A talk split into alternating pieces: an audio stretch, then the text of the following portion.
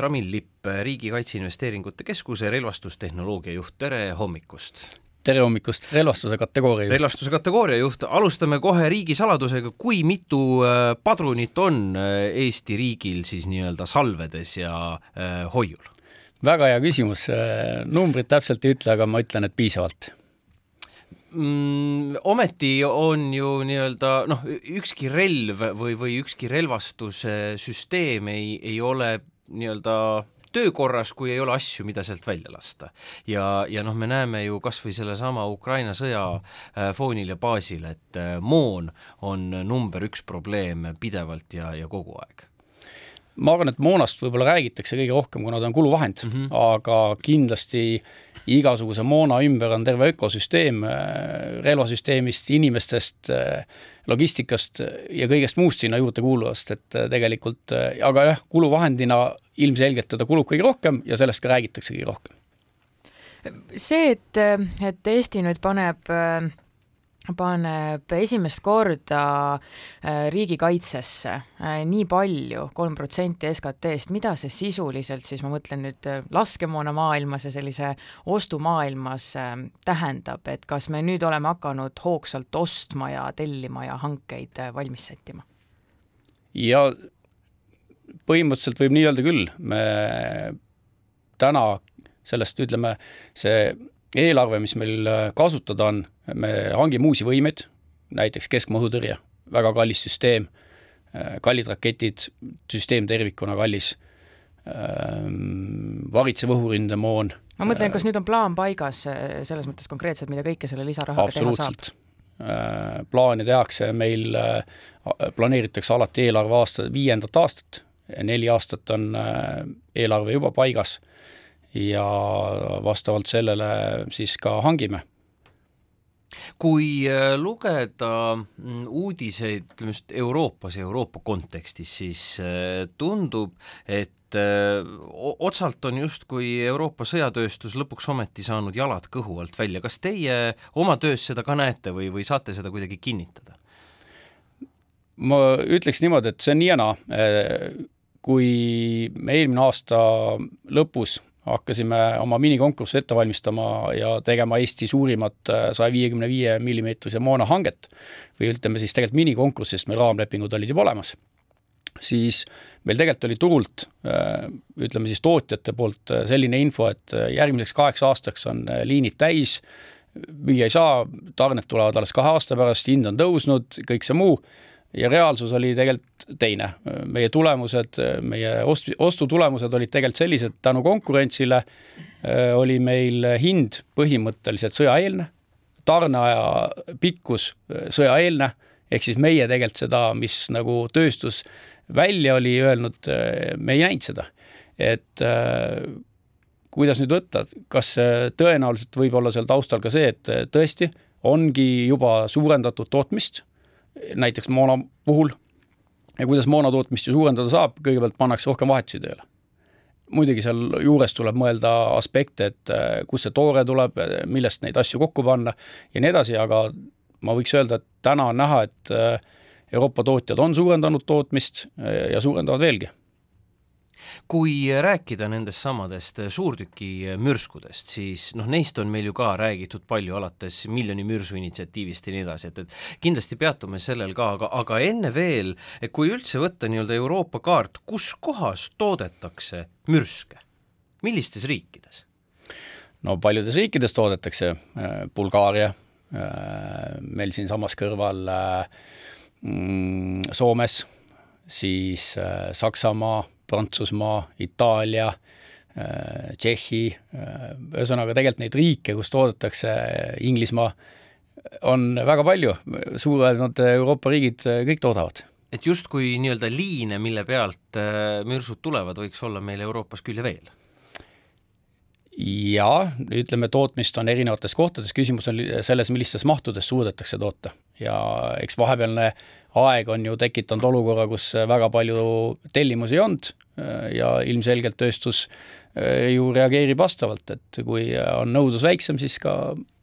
pannakse osaliselt kinni ennast ja toodetakse vähem. Äh,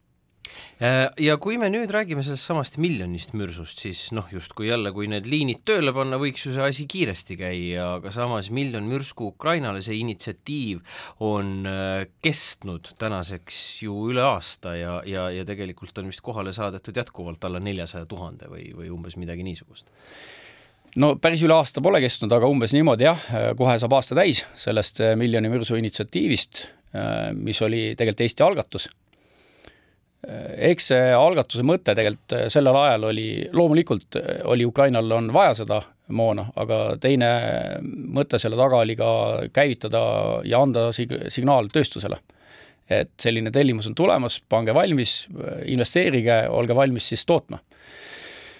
tänaseks äh, võib öelda, et noh, mingi hinnanguliselt äh, arvatakse, et Euroopa sellel aastal suudab Euroopa toota suurusjärgus pea miljon mürsku, kas see päriselt tõele vastab, on raske jällegi öelda, aga eeldatakse, et, äh, et tööstus võiks suuta kuni miljon mürsku toost-, toota, ma natukene kahtlen selles numbris, aga me peame arvestama, et noh, ilmselgelt ka kõik see ei lähe ju Ukrainasse, on ju. et kõik liikmesriigid ju täidavad ka oma laovarusid, nii nagu Eestigi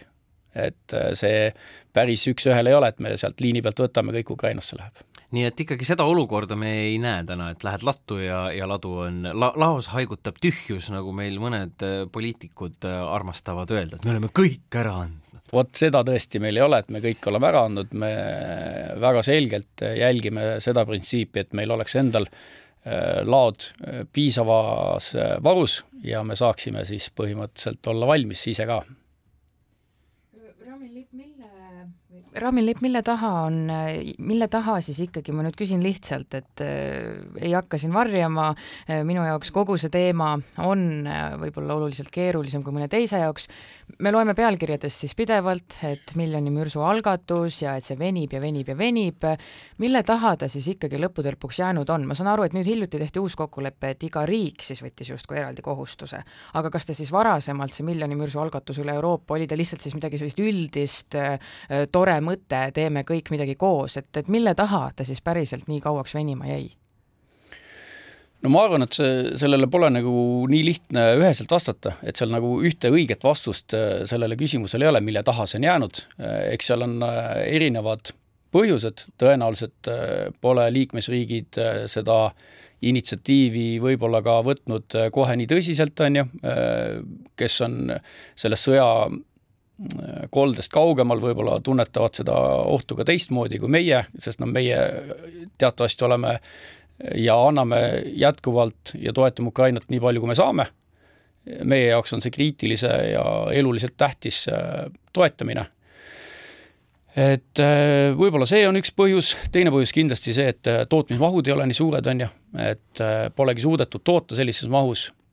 kõik riigid ju vaatavad lisaks nendele tellimustele, mis nad teevad, et Ukrainat toetada, jällegi seesama, et nad tahavad ju oma ladudes hoida ka piisavat varu ja suurendada oma laovaru, ehk siis seal on sellised äh, riikide mõttes ka strateegilised otsused, mida riigid peavad langetama,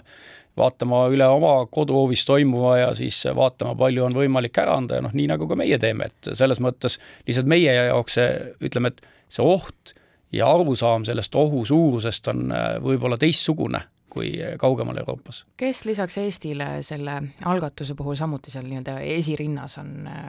no lisaks meile siis? no tavapäraselt ikka ütleme siis meie regiooni riigid, meie lõunanaabrid, meie põhjanaabrid ja muidugi Inglismaa on ka hästi tubli ja samal ajal vaenlane Venemaa helistab Põhja-Koreasse, kus on laod täis seitsme, kaheksakümne aasta jooksul toodetud mürske, et võta ja, ja vii ainult miljon tükki rindele ja, ja saab,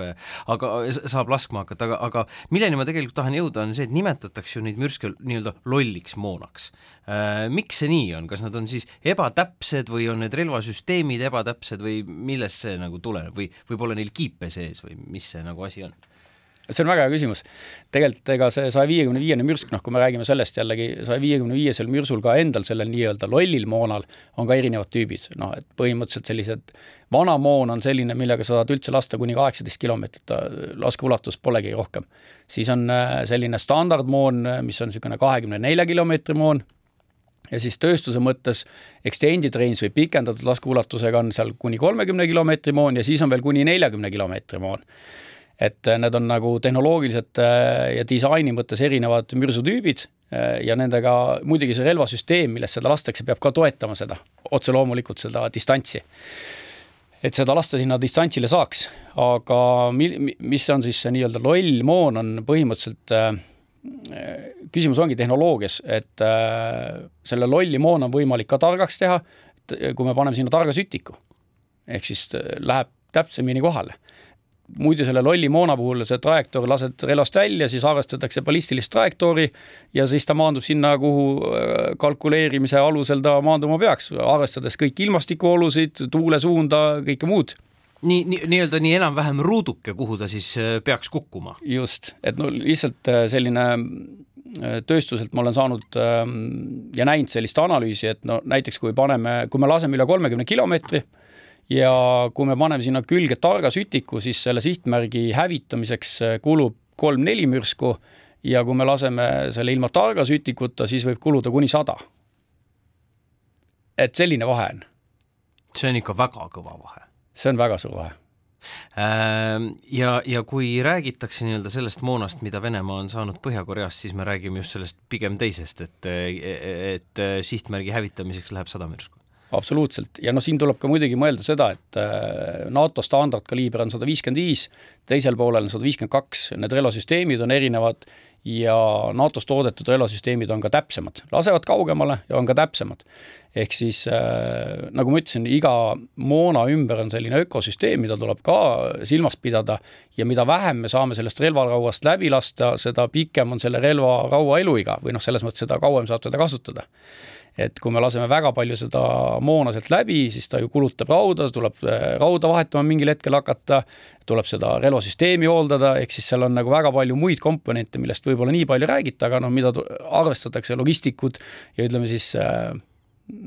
suurtükiväelased kindlasti peavad äh, selle üle arvestust väga selgelt. Üks äh, teema veel, millele me saame põgusalt peatuda, on see, et äh, tänu Ukraina sõjale on räägitud üha enam ka sellest, et Eesti peaks hakkama ise mürskusid tootma ja, ja juba valitakse nii-öelda välja, et kuhu siis tehas ehitada ja nii edasi, et kas, kas, kas see on otstarbekas, kas meil on seda vaja? ütleme siis riigi seisukohast loomulikult, kui meil oleks oma tootmine Eestis, äh, oleks äh, ka tootmine olemas, loomulikult oleks äh, meile parem. Selle nimel ka riik ju täna tööd teeb, ehk siis on vaadatud seadusandlust üle, õgvendatud võib-olla liigselt piiravaid või õgvendatakse liig-, liigselt piiravaid seadusesätteid ja riik siis oma poolt on ka vaadanud kohti, eriplaneeringud tehakse, et ühesõnaga riigi seisukohast loomulikult on hea, kui see tootmine on, aga meie tänane edu turul on hoopis tulnud läbi konkurentsi, ehk siis meie jaoks on oluline tegelikult, et oleks konkurents, kui me oleme kinni ühe raamlepingu partneris, siis me põhimõtteliselt äh, väga jõuõlga enam ei oma, sest siis ütleb äh, see üks partner, mis on hind ja kuna see on tarneaeg, aga kui me saame alati panna tootjad konkureerima omavahel, siis see on täna toonud meile edu tegelikult. nii et äh, teatud mõttes targa tootja asemel tulebki olla tark ostja. Absoluutselt, meie vaates kindlasti. Ja meie üks põhiasju, mida me jälgime, ongi iga euro eest võimalikult palju kaitsevõimet ja seda on võimalik saavutada läbi selle, et meil on konkurents Ramil Lipp, Riigi Kaitseinvesteeringute Keskuse relvastuskategooria juht, aitäh täna hommikul Kuku hommikuraadiosse tulemast ja edu, jõudu! suur tänu!